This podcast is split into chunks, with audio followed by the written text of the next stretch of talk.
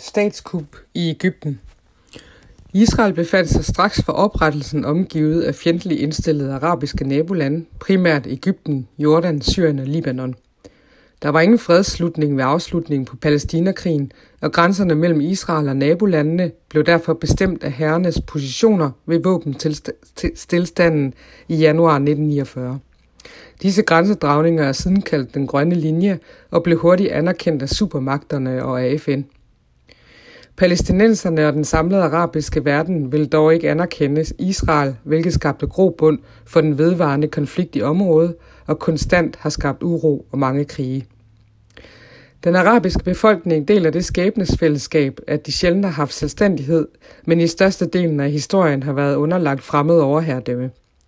Men i kølvandet på den arabiske selvstændighedsbølge voksede den pan-arabiske tanke frem – Pæn arabisme er udtryk for den nationale idé, som Sharif Hussein bin, Alis, bin Ali fostrede under 1. verdenskrig, om at skabe arabisk fællesskab. Store dele af de arabiske befolkninger så med stærkt kritiske øjne på Storbritannien og Frankrig, så mange følte havde snydt araberne for selvstændighed. Samtidig havde man det ikke meget bedre med de to nye supermagter, USA og Sovjetunionen, i det de blev anset for at være hovedarkitekterne bag oprettelsen af staten Israel. Israel var for mange udtryk for fortsat vestlig imperialisme, blot iklædt en ny dragt. Denne såkaldte nye imperialisme betød nemlig, at Vesten via Israel fortsat kunne dominere og udøve magt og indflydelse over de gamle kolonier og mandatområder. Den massive modvilje mod Israel og Vesten var i høj grad tændsats til en øget arabisk nationalisme, der voksede frem i den arabiske verden i løbet af 1950'erne og den nye form for pan-arabisme blev i mange af de nye statsdannelser omsat til en politisk ideologi kaldet Nasserismen. Den var opkaldt efter oberst Gamal Abdel Nasser, der i 1952 satte sig i spidsen for et statskup i Ægypten mod den pro-britiske konservative og korrupte egyptiske kong Farouk. Nassers statskup havde bred folkelig opbakning i Ægypten.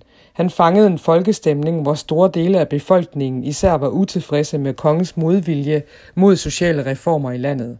Og desuden var der stigende grad utilfredshed med den fortsatte britiske dominans i Ægypten.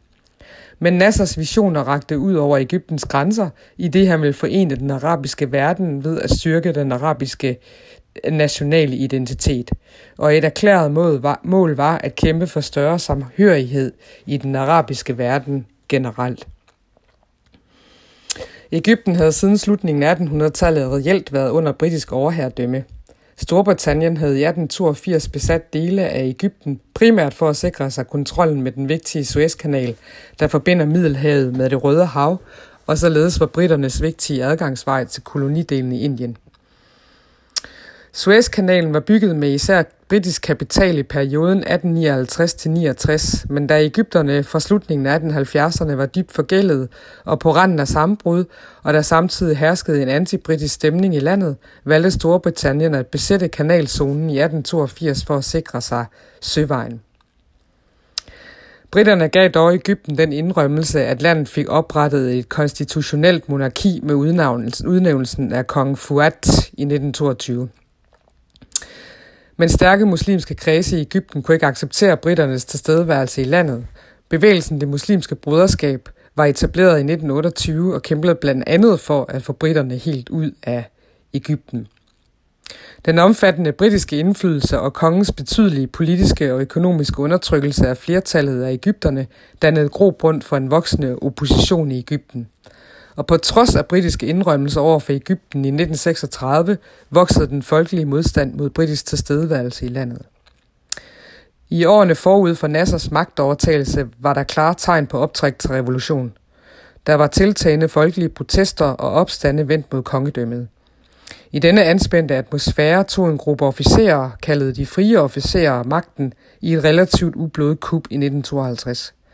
Kong Farouk blev afsat, og Ægypten blev omdannet til en republik i 1953.